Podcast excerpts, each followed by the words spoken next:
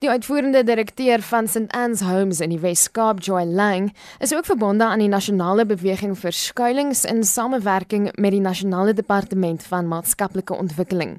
Sy sê hulle eis hoofsaaklik dat die groot ongelykhede in die hulp wat aan slagoffers gebied word, uitgeskakel word. Befondsing is 'n groot probleem wat hoofsaaklik op provinsiale vlak ontstaan. Funding gets distributed from national to provinces. and it is there where the provincial department actually makes the decision. They also have a disparity within their funding model. Die Oos-Kaap is een van die provinsies wat die swakste vaar. Their funding model and their funding practice is absurd.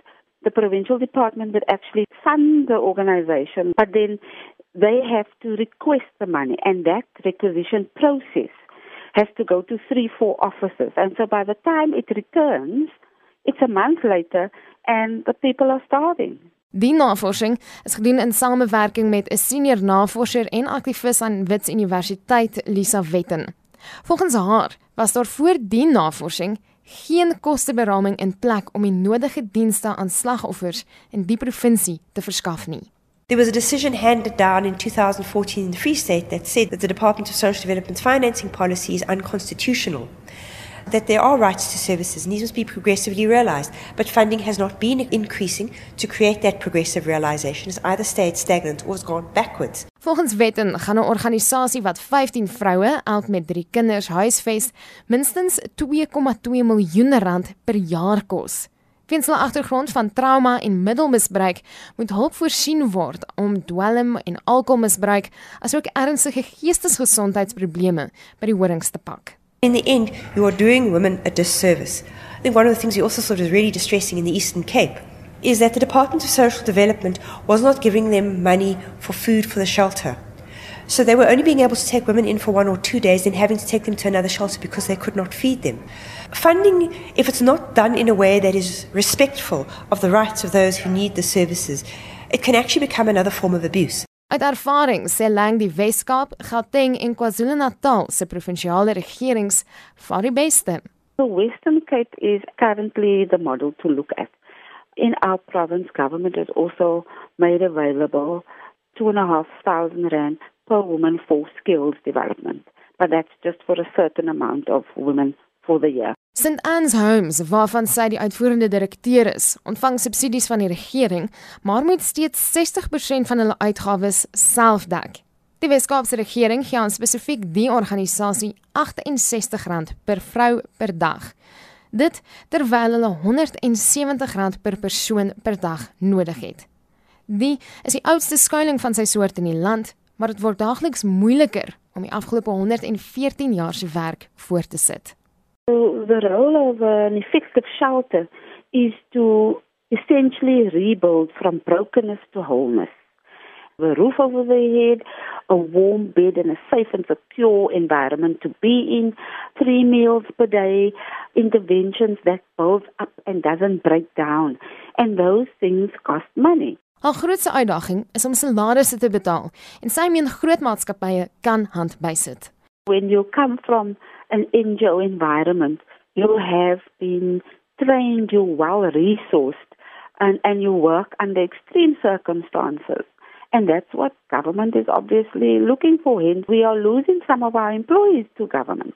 Die Cradle of Hope huis vir ma's en kinders in Krugersdorp aan die Gautengse Wesrand is juis geskoei op die St Anne's model. Die sigter en direkteur Melody van Brakel sê hulle fokus daarop om vroue te bemagtig. Ons lewe in 'n land waar die norm is handouts. Mense verwag iets, jy moet dit vir hulle gee en jy moet dit nou gee. Ons bou nie 'n nasie daarmee nie. So by hierdie huis is dit vir ons baie belangrik dat jy hier sal uitgaan en 'n self-sustainable member of society sal wees. Al die vroue wat hier werk, was voorheen slagoffers van geweld. Volgens haar is minstens 60% van die vroue wat hulle program deurgewerk het, suksesvol in die samelewing geïntegreer.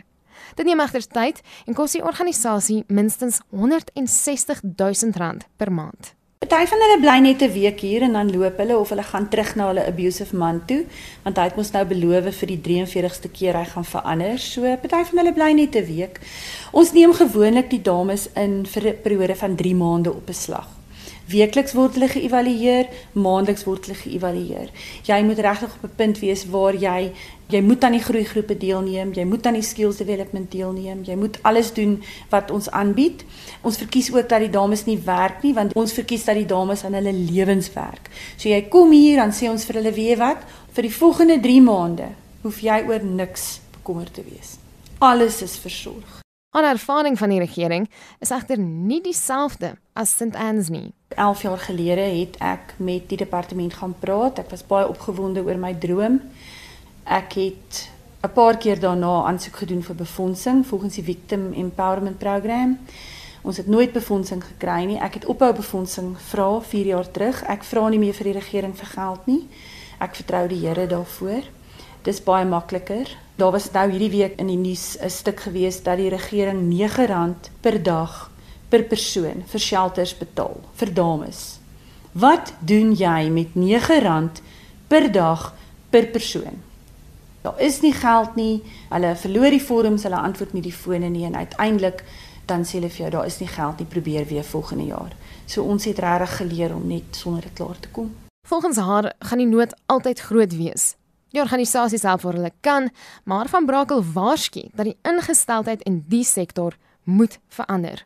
Ek dink as ons effektiewe strategieë in plek kry en en wette kry wat op papier staan wat toegepas word, dan sal dinge beter raak. Absoluut. Maar daar's totale energie. Almal doen net wat hulle lus het.